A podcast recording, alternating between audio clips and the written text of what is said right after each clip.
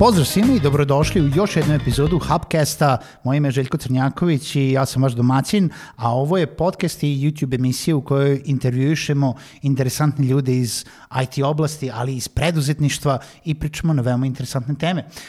Naš današnji gost je Slobodan Mirić, a, koji nam dolazi kao jedan od budućih predavača koji ćemo imati uskoro na meetupu za WordPress zajednicu.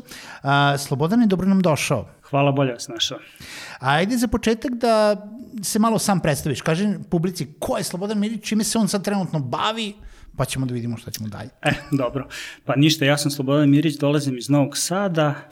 E, pre svega se bavim preduzetništvom, to smatram nekim svojim, da kažem, dominantnim poslom. U suštini me interesuje biznis kao biznis, a programiranje i generalno WordPress su samo neke, neki činioci koje čine taj biznis uspešnim. Praktično, imao sam tri biznisa u životu, ovo je treći, prva dva su nisu neslavno završila, ali su završila. Samim tim što se nisu bile održava i što sam ja bio e, definitivno neiskusan, nisam imao dovoljno znanja o samom poslovanju, generalno prosto sam mislio da entuzijazam igra mnogo veću ulogu nego što igra prosto nisam ni poznavao neke alate s kojima se ispituje tržište.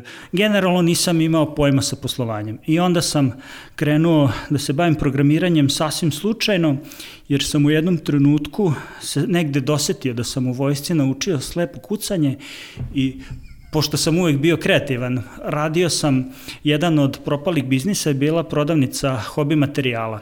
To su znači ono boje, generalno tkanine i uopšte neki predmeti od kojih pre svega sada žene, a ne samo žene, prave neke ukrasne predmete. On, hobi je veoma raširen u Srbiji pošto nema dovoljno posla, pa svi koji imaju neki dar da nešto prave, bavi se hobijem. I mislio sam da je jednostavno prodavnica tog tipa nešto što je dobro i da ću ja samom, samom ovaj, to prodavnicom dolaziti jeftinije do tih materijala i svoju kreativnost izraziti preko toga.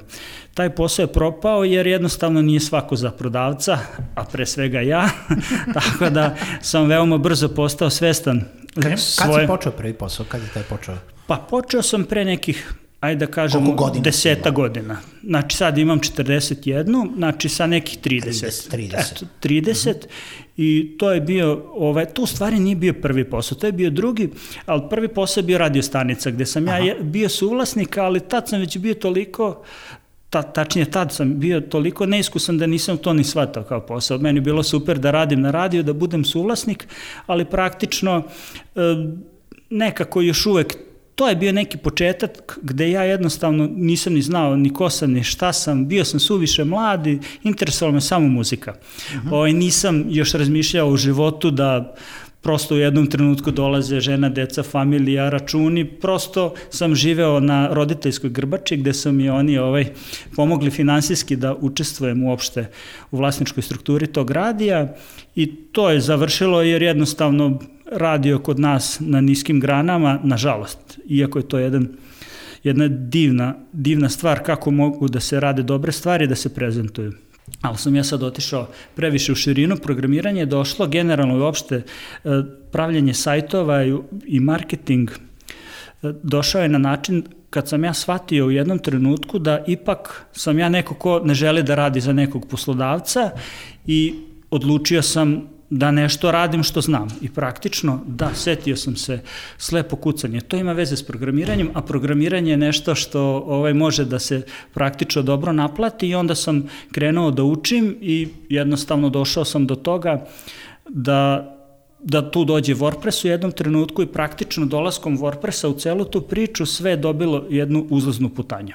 Jeste, to, to je sve desilo ako je prvi posao bio pre 30. godine, drugi posao bio tu negde oko 30. godine, ti si programiranje samostalno naučio sa koliko, 30 i... Da, pa da, da, ja sam krenuo u zrelom dobu sa 35 godina i više, 35 plus da učim programiranje I to je u stvari, ja sam hteo da pravim sajtove, kad sam imao tu prodavnicu Hobi Dućana, hteo sam da imam svoj sajt. Uh mhm. -huh. I ovaj, nekako je bio neuspeo pokušaj uh, E, sa, sa nekim prijateljima da to napravim, tačnije nismo napravili ono što sam ja hteo i onda sam ja odlučio pa da bi ja napravio ono što hoću moram da naučim. Mm -hmm. I onda sam krenuo da učim uh, Dreamweaver i shvatio sam u stvari da, da bi ja naučio da pravim sajtovi, da bi naučio da radim taj neki posao koji ovaj, ima veze sa webom, da ja moram prvo da naučim šta je web, kako funkcioniše. Pa sam onda došao do toga da ovaj, sve polazi iz tog brauzera, da su HTML, CSS, JavaScript jezici koji se tu dešavaju i prosto sam sam slušao sam tvoju prvu epizodu ovaj, Hubcasta i onda sam jednostavno se i sam podsjetio tih početaka gde otprilike e, Petar Petrović, koliko se sećam, u stvari lepu ispričao već on priču koja praktično onako poprilično univerzalna u zadnjih, ne znam, pet godina, gde većina ljudi kreće da uči sami na internetu i praktično nailaze na zid jer ne može to tako brzo da se nauči i ne može tako lako da se nauči kao treće ne možemo svi ni da naučimo. Ne zato što je neko možda pametniji ili neko gluplji, nego jednostavno potrebno je da se nešto nauči, da se kroz praksu jednostavno to izlanca. Za to je potrebno vreme, e sad oni koji imaju vremena i strpljenja, oni će to naučiti, a oni koji nemaju, proći će to pored njih. I to mhm. je u ogromnom broju slučajeva tako. Pa u svakom slučaju jeste i to je super primjer da si ti u tim nekim godinama uspeo da samostalno naučiš. Kako je tekao taj put samostalnog učenja? Je li to bilo online kursevi, jesi našao nekoga što su i Nemanja Čedomirović kojeg smo intervjuisali ranije uh, prošle nedelje i Petar je pričao o tome naći nekog mentora. Znači, da li je za tebe put tekao online učenjem, uh, sa nekim ili kroz neke škole? Pa put je išao ovako. Dobro, ver. Pa krenuo sam tako što sam prvo kupio neku knjigu i krenuo sam da učim iz knjige gde sam shvatio da je to možda nije najbolji način i onda sam isto došao do kod akademije gomile tih raznoraznih kurseva na internetu gde sam se najviše zadržao na Udemiju gde sam na popustima od tipa desetak dolara slušao neke vrhunske prodavače, ali to nije bio samo Udemy, tu je bio naravno i Kod Academy, tu je bila i Coursera. Prosto, e, veoma brzo, čim sam naučio dovoljno e, da radim, pomagao sam prijateljima, uh mhm. -huh. da ne kažem rodbini, pomagao sam svima kojima sam mogao ja u tom trenutku da pomognem. Kumi sam pravio sajt, ona radi ovaj, tkanje, napravio sam njoj sajt. Naravno, svoje znanje sam delio za džabe veoma često u početku, I to ne tako često. Napravio sam bar jedno 20 sajtova za džabe, minimalno. U tom startu i onda sam shvatio da bi nešto naučio, a to je ono univerzalni princip učenja, mora da se nauči temeljno. Ja sam krenuo sve da učim, HTML, CSS, JavaScript, PHP i naravno da to ne može sve odjednom da se natrpa u glavu, nego mora da sazre to znanje i prosto kroz neke realne primere da se to nauči. I jednostavno vreme učinilo svoje. Znači nisam odustao kad sam nailazio na probleme, nego nego sam ih prevazilazio ili zaobilazio, pa kad ga zaobiđem, onda dođe trenutak kad to naučim da radim i prosto nekako sve išlo nekim svojim prirodnim tokom.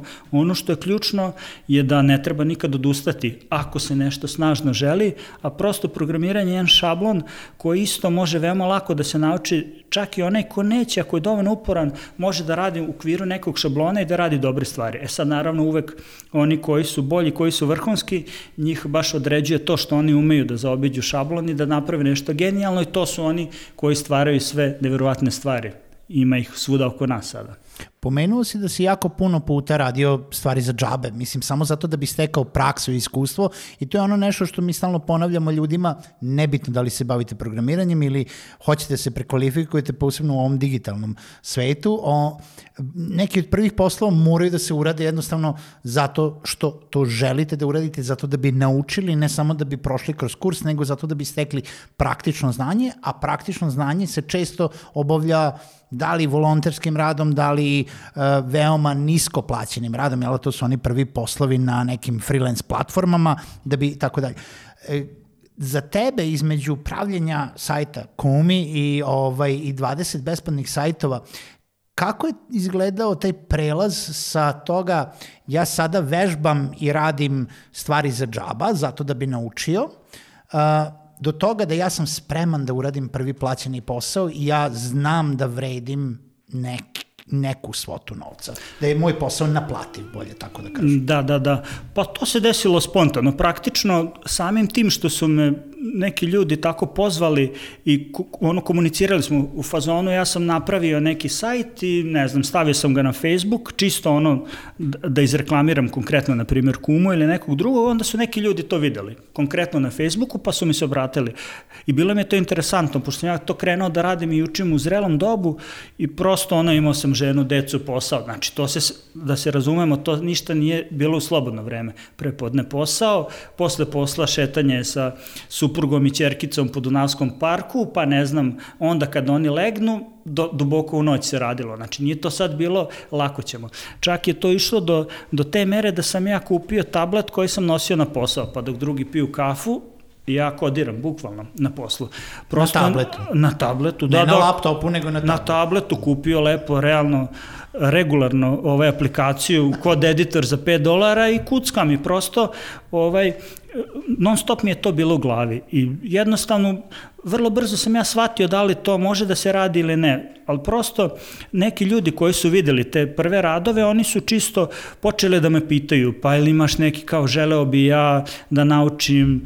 I jednostavno desilo se tako, prosto, prosto se desilo bez da sam ja imao neku ovaj strategiju tada. Ja sam prosto želeo da naučim za svoj neki pređašnji posao, ali pošto je taj posao propao, jednostavno sam se zaposlio kod poslodavca, krenuo sam u pravcu razmišljanja da treba da promenim profesiju, jer ta koju sam radio ne da je bila loša, nego jednostavno odlučio sam da želim više, da mogu više i praktično e, svidelo mi se programiranje. Jako mi je bilo lepo da ja kucam u, u u tom momentu ne gledam u tastaturu da izlaze neke lepe sliku na monitoru. Prosto mi je bilo fascinantno da pomoću kucanja mogu da se rade neke stvari koje jednostavno za neke treba, ne znam, papir i olok.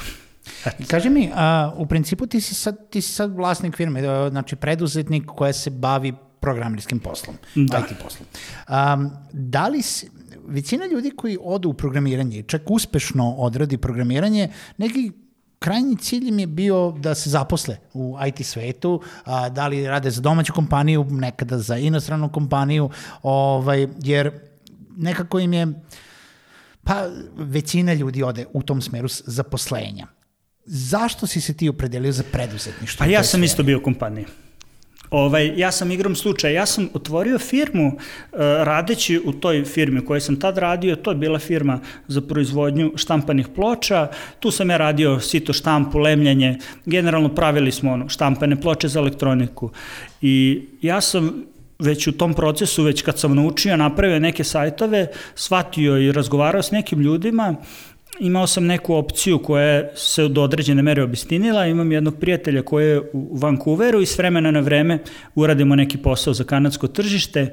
Prosto tada smo već razgovarali kako bi uopšte taj transfer novca bio legalan, ja moram da imam firmu. Tako u stvari je došlo do toga. I praktično sam iz, otvorio sam firmu iz zaposlenja i u tom momentu kad sam ovaj, hteo da dam otkaz, Stigo je poziv iz jedne firme Simple Task. Slučajno, jedan prijatelj prijatelj je video jedan sajt koji sam ja radio za kanadsko tržište i ovaj, oni su procenili da sam ja verovatno dobar kandidat za JavaScript. I onda sam ja otišao tamo na razgovor na kome nisam prošao slavno, jer radeći na tom sajtu imao sam veliku pomoć jedne moje prijateljice koja je iskusan programer, gde je ona u stvari rešila te neke suštinske stvari. I prosto oni su na konto te neke polulažne slike, ne polulažne, ali praktično nisam to radio samostalno, mislili da sam ja jako dobar JavaScripter, a da ja u stvari uopšte to nisam bio. Pozvali su me na razgovor i mi smo tu prilike se nešto dogovorili i to je ono bio u stvari prvi susret i sa znanjem i sa neznanjem. Znanje me dovelo tu gde jesam, a opet kad sam krenuo da radim u timu koji radi sve živo, tu sam opet došao do toga da shvatim da ja i pored toga moram još dosta da učim. I naravno to je nešto stvari što se nikada ovaj ne, ne zaustavlja i tu je došla ta konekcija sa WordPressom, upao sam u tim koji radi WordPress i morao sam da ga naučim i praktično je to ključna tačka. Shvatio sam da sa WordPressom mogu brzo da obslužujem poslove, da ne moram sve da radim od početka i praktično sam WordPress je prilagođen, ima gomilu dodataka koji su sad povezani sa raznoraznim marketinškim alatima i to je to. Znači, tu je negde sve došlo na svoje praktično, da za kratko vreme mogu nekom da uradim posao i da svi budemo zadovoljni. E, kad smo pričali pre, pre samo emisije, ovaj, pomenuo si da si a, počeo iz nekog freelancinga, ali ne onog pravog, da kažemo, ono tipa svi počinju i kažu freelancing je Upwork, Odeski, Lens, nekadašnji um, freelancer i tako dalje. Uh, ti si imao susret sa jednom domaćom platformom za freelancing, pa možda mi kažeš nešto o tome. Da, ja sam pokušao, iskreno da kažem, preko Upworka, ali prosto nisam imao portfolio tada, u tom momentu. Napravio sam nalog na Upworku, praktično još ono posle, ne znam, prvog sajta je jednostavno shvatio sam da to baš ne ide tako da niko neće da unajmi freelancera koji apsolutno nema iza sebe ništa. I nekako posle Upworka sam napravio na drugoj platformi, mislim da se zove People Per Hour platforma i tu isto nije bilo nekog uspeha, ali to je sve krat, traje, trajalo kratko, tipa ono nekoliko dana. Prosto shvatio sam da to treba nekako shvatiti kako funkcioniše ta platforma prva da bi radio na njoj.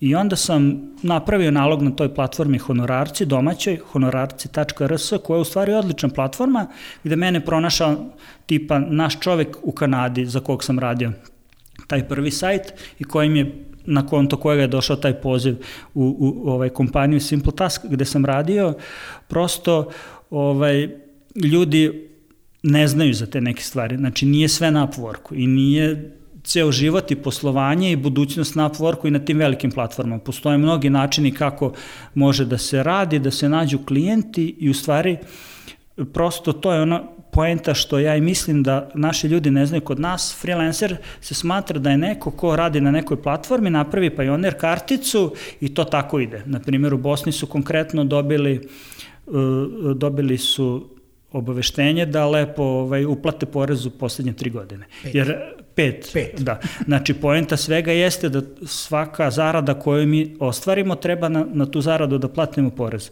I ovaj, svaki freelancer, učio sam od nekih ljudi, konkretno od Brad Hessija, koji čovek živi u Kanadi, on je programer, ali koji je jako aktivan, ima svoj podcast i praktično e, inspiriše ljude kako da rade generalno taj freelance posao, ali praktično je on čovek firma, kao što sam i ja čovek firma, ali imam ljude koji sarađujemo.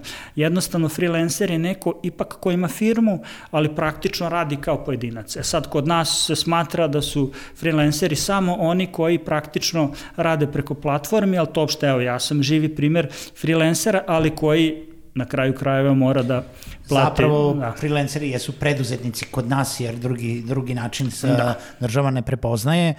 Preduzetnici da li su paušalci, knjigaši, to je to. I to da. nije nikakva strah i trepet, ja pričam ljudima isto tako. Lažno je sam sebe zavaravati da možemo u nedogled biti oni pravi freelanceri, jel da, kao, kao većina što je, ali isto tako uh, imamo drugi problem države koji, jel da, nije omogućila taj deo da za one koji tek počinju, da ne znaju da li će imati posao, da li će imati sad posao, pa za dva meseca posao. Dakle, to je jedna totalno druga tema, ali totalno si u pravu, mislim, uh, svako ko ima redovan posao, ko ima konstantno nabavlja posao, treba u nekom momentu da razmišlja o tome da bude preduzetnik. Ja isto tako. definitivno to mislim da je to tako, jer to otvara neke druge mogućnosti. Pre svega, evo, ja sam freelancer, preduzetnik, ali na primjer kad je bio, ne znam, tender za sajt osnovne škole, to ne može da radi freelancer koji nema firmu.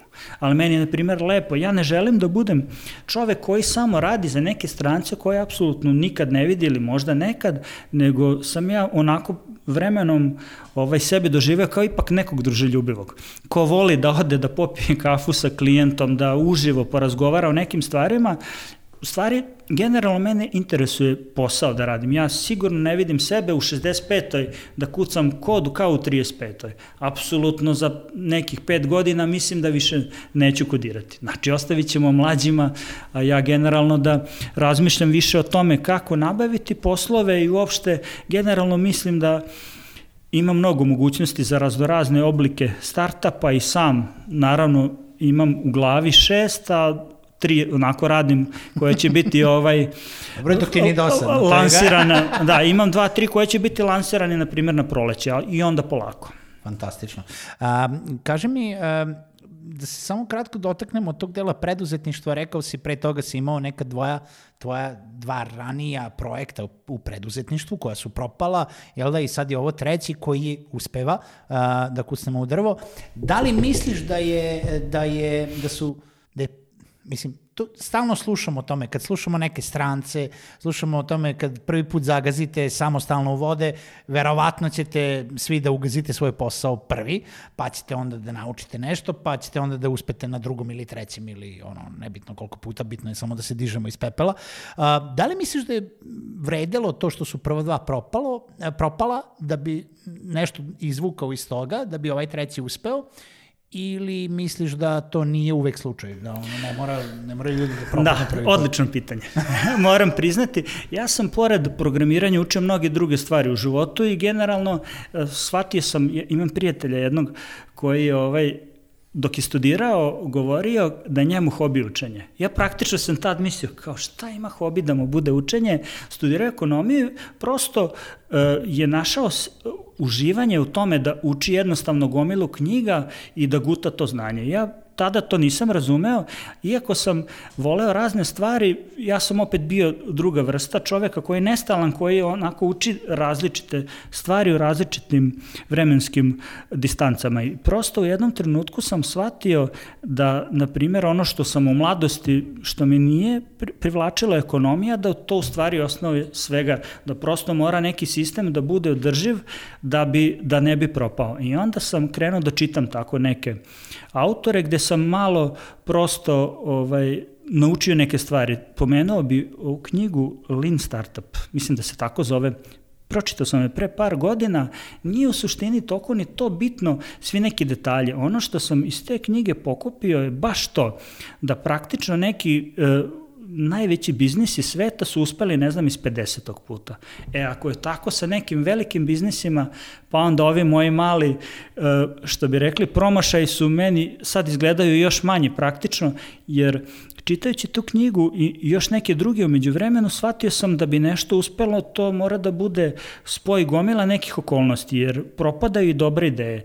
Ne, ne opstaju samo najgenijalnije ideje i samo najgenijalniji ljudi, nego prosto ja sam čak shvatio da veoma često ljudi koji nemaju nikakve vizije, da njihovi biznisi često opstaju samo zato što, na primjer, oni imaju neko određeno znanje kako nešto da bude održivo i prosto znaju da raspoležu sa svojim novcima.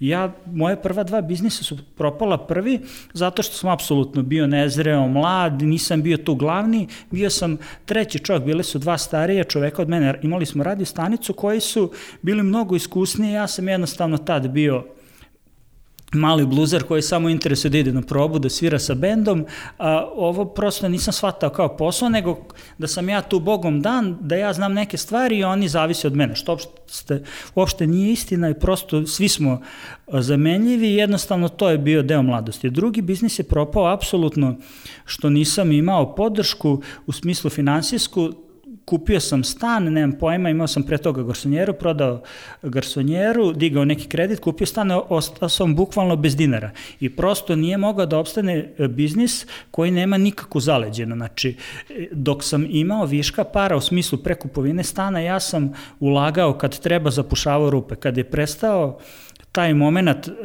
zapušavanja rupa, tačnije kad nisam imao više čim da ih zapušim, brod je naravno potonuo, ali tu je pre svega iskustvo posla, ja jednostavno nisam imao tada ni plan, ni viziju, jednostavno prosto je moralo biti tako, a generalno mislim da ono da se sad u stvari vratim na srž toga pitanja, poenta je stvarno da neke stvari moraju da se dese nekad, jer jednostavno čovek ili ima tu naklonost ka, toj, ka tom vrstu, toj vrsti poslovanja praktično ne da bude sam svoj gazda, nije mi to toliko interesantno, nego da jednostavno Ja volim, na primjer, kad odem na more, da mogu da sednem ispod drveta kivija i da radim sa laptopom ovaj, u krilu. Prosto taj način poslovanja mi se sviđa. I, a jedini način da to radim je da ne radim za, za neku kompaniju, gde ću ja sedeti naravno od 9 do 5 ili ako ima preko vremenog rada do 6, do 7, nego ću jednostavno moći da radim kako ja hoću. To je praktično jedini razlog zašto sam ja krenuo ovu vrstu posla, jer ja odlučujem kako ću da iskoristim svoje vreme i gde ću da ga iskoristim kad je leto, odem na štrand, pre podne ponesem laptop pored Dunava, radim i prosto to je razlog zašto sam ovaj treći pokušaj poslovanja pokrenuo na taj način na koji sam pokrenuo. I prosto e, mislim da se ne treba plašiti neuspeha jer realno redko ko uspe neku ideju da ovaj izgura na najbolji način iz cuga, što bi rekli. Prosto većinu stvari ne funkcioniše tako. Tako je, a ono što kažu isto jeste da je a, ideja pregršt, a u stvari da je izvedba ono što znači da li će nešto da uspe ili ne uspe, a za izvedbu treba neko iskustvo. Prethodno bilo bi jako dobro što se toga tiče. A, pričao si o konstantnom učenju, znači, pomenuo si kolegu koji, kojem je hobi učenje. Da. A, stalno pričamo o tome. Pričamo o tome koliko je bitno konstantno se usavršavati i daleko su prošla vremena gde smo nešto naučili, zaposlili se negde ili čak i otvorili svoje firme i to ide samo od sebe i uvek ćemo biti uspešni.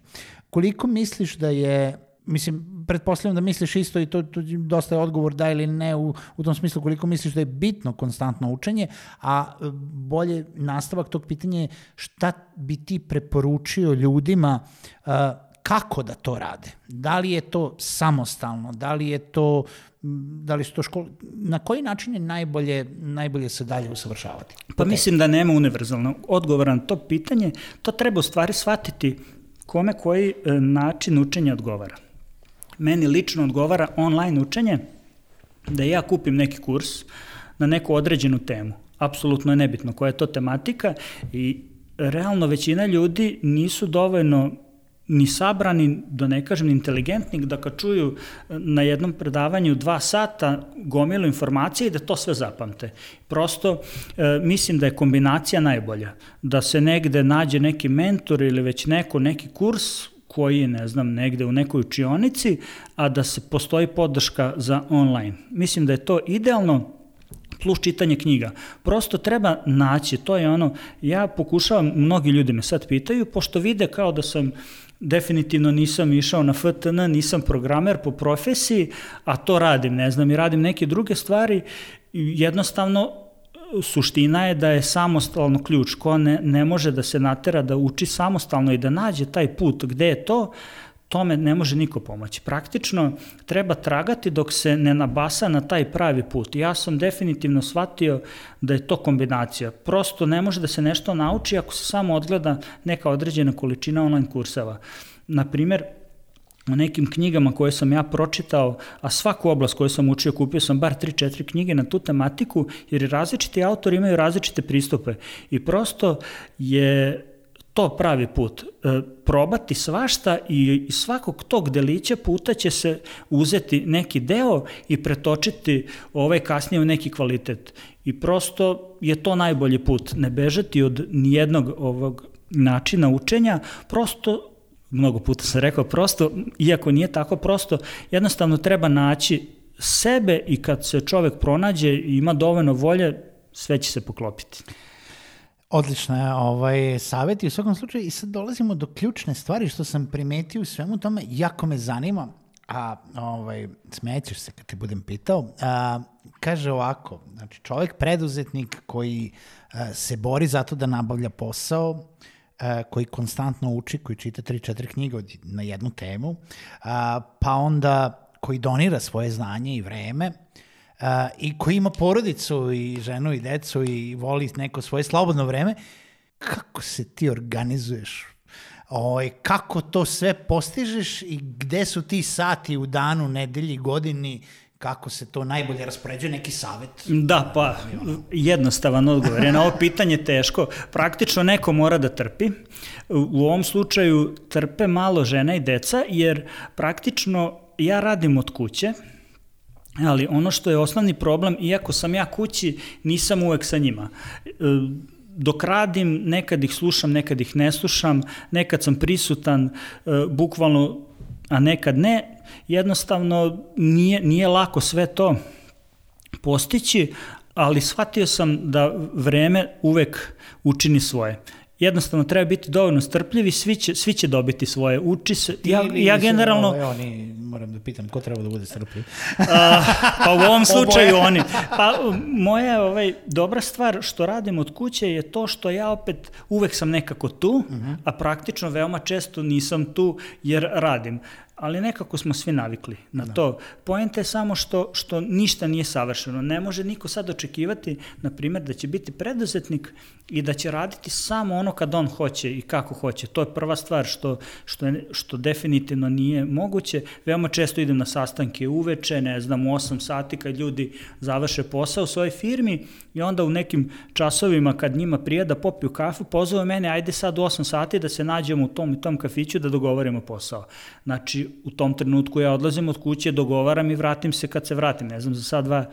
E, nije, nije lako, ali vikendi, na primer, mene su vikendi poslastica. Tad nekako imam osjećaj kada ovaj veći deo ljudi ne radi, da ja tada mogu da uradim sve i ti dani su, na primer, namenjeni većoj količini unosa novih informacija. Jer nikome tada, tačnije veoma redko me tad neko zove za posao, uglavnom me zovu prijatelji rodbina ili me ne zove niko i onda nekako ja rasporedim svoje vreme kako hoću. A radnim danima, nažalost, pozivi telefonski, mailovi, to je ono što guta vreme, jer treba svakom odgovoriti smisleno, treba, ne znam, odvesti dete u školu i tako dalje. Radni dani su dani o nedelji kada se redko šta stiže, a vikend je tu neka kao poslastica kada se više vremena mogu ja konkretno posvetiti porodici, mada se trudim da, da niko ne trpi. Ali to, nažalost, nije uvek moguće. Nije, naravno. Kako većina preduzetnika zna, ovaj, i sam dobro znam kako se osjećaš, ovaj, ali namerno sam hteo da postavim pitanje da, da, pa dobro, da vidimo to je, da, da. da nije to samo slučaj ono, tipa kod nekih pojedinaca, a oni koji žive savršeni skladan život, koji kažu da sve uspevaju, nekako mislim da stalno lažu. O, I ja mislim. Da, tako da. A, Milane, šta je sle... Pardon, Milane Slobodane, izvinjavam se. U redu. Ovaj, e, kaži mi šta je sledeće, gde vidiš sebe za pet godina, a, kao uspešan preduzetnik, što si rekao, neki mladići da preuzmu kodiranje, a ti ćeš da budeš ono, direktor, što bi rekao, jedan moj drugar, kad je bio mali, tata, ja, šta želiš da budeš kad porasteš? Pa ja želim da budem direktor. Zašto? Zašto mogu da pijem Coca-Cola koliko hoću. Tako da, Coca-Cola je na, na stolu. Coca-Cola je tu. ovaj, gde, vidi, gde vidiš sebe i svoju firmu za pet godina, ideš negde u inostranstvo i neki uspešan startup, Ne, ne, ne, ne idem u inostranstvo, sarađujem sa prijateljem iz, iz Vancouvera, ali definitivno ostajem u Srbiji i ne planiram da se pokrećem odavde. Ono što, što planiram je sigurno jedno tri startupa, možda i više, na kojima već duže radim. Evo šta je to konkretno? Mislim, ja ovaj ništa ne skrivam. Kako bi rekao, veoma često ljudi e, se libe da neke stvari otkriju. Prosto ne znam zašto je to tako i u tom prenošenju znanja e, neki moji prijatelji i stariji od mene koji, na primjer, hoće sad da uče programiranje, kažu kao svi mi nešto govore, ali niko mi ne kaže sve prosto nekako pa odeš na internet i izguglaš ili kupi tu knjigu pa ćeš naučiti.